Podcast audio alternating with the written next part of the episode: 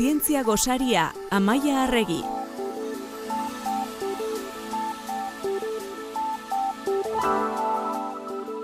Amaia Arregi, Donostia International Physics Centerreko zientzilari eta komunikazio teknikaria, ongi etorria. Mia esker. Amaia, gaur eskerra hitz egin behar dugu.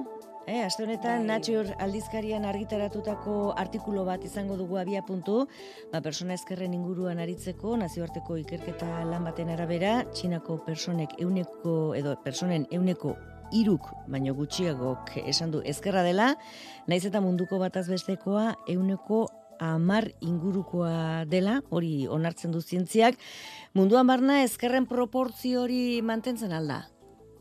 E, bai, e, ezkerre eskuinen arteko bat bederatzi proportzio hori orokorrean mantendu egiten da e, gizarte herrialde baina ba, Nature Argizkarian argitaratu dako artikuluan, nazioartean berru mila pertsonekin egindako ikerketan, bazuk esan bezala, ikusi dute Txinan euneko irua baino gutxiago esaten duela ezkerra dela. E, ikerlarien arabera, ba, diferentzia nabarmen honen jatorria ez litzateke genetikoa izango, eta zenbait herrialetan gezurra badirudi ere ezkerra izateak oraindik dituen estima kulturalekin legoke lotua. E, 20hogeian egindako metaanalisi baten emaitzak, eta metaanalisi hontan 2 milioi pertsonen datuak erabili zituzten, 2 milioi pertsonetik gora, e, ba, bat datoz esan dutenarekin, hau da, ezkerrak euneko e, amarra direla orokorrean, horrek esan nahi du, ba, bueno, gutxinez euneko amarrari gaurko tartea interesatuko zaiola. Bueno, euneko amarrari eta gehiagori ere, bai, ez? Ezkerrak inguruan, ezkerrak inguruan dituztenek ere basabra izaten dituzte, ezagutzen dituzte, oie dituzten arazoak. Hori gizakiak, baina primateak, ezkerrak ala eskuinak. Bueno, e, primati basatien kasuan, e, gaitasun motor finak behar dituen aktivitateri burutzen ez badute ere, denek lehenesten dute esku bat.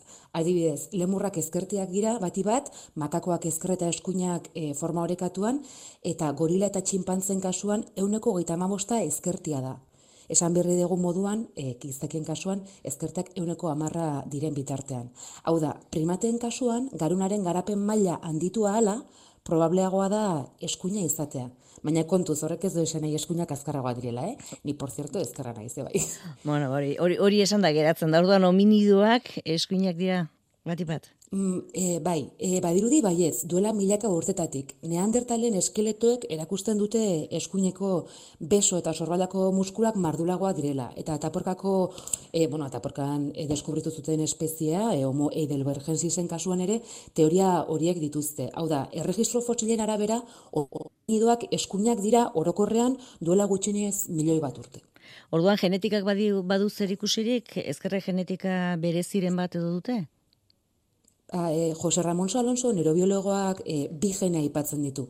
Alde batetik e, PCSK6 genea, fetuaren garapenean gorputzen agertzen den asimetrian funtsezko eginkizuna duena, adibidez genea arratoien kasuan esperimentalki mutatzen baldin bada, arratoiak alderantziz garatzen dituzte gorputzeko organoak, hau da, bihotza eskuinean eta gibela ezkerrean.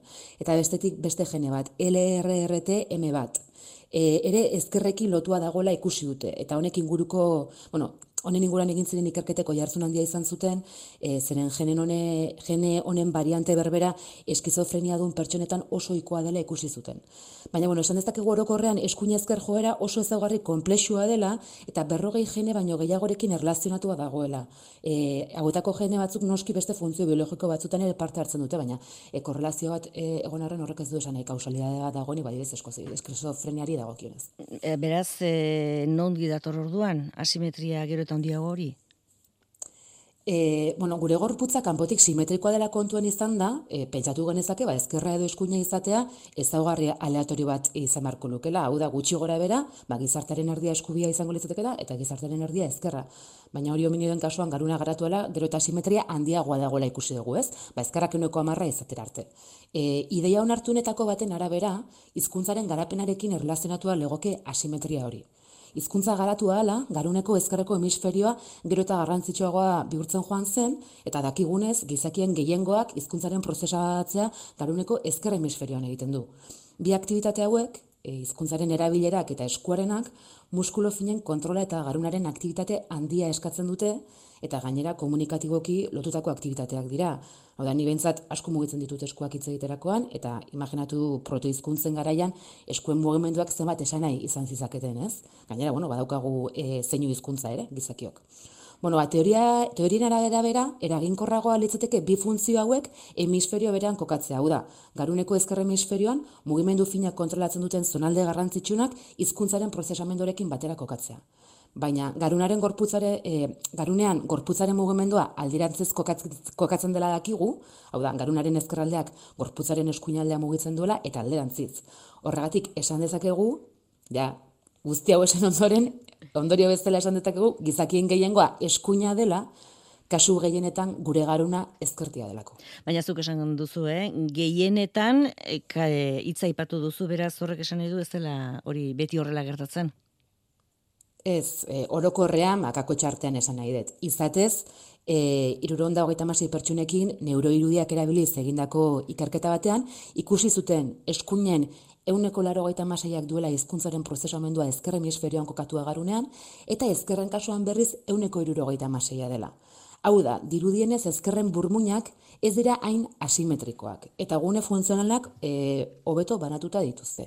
Nik ez dakit honek ze ondori izan ditzaken, baina bueno, hoiak dira orain arteko emaitzak. Bueno, eta datu hortxe dago, eh? gizakien artean euneko amar, ba, ezkerra dela. Ezkerra erabiltzen duela ohiko gauzetarako, idazteko eta ohiko gauzetarako, eta ezkerra erabiltzen duen hoietako bat, gaur gurean izan dugun, amaia arregi. Mila esker, eta arte? Mi esker.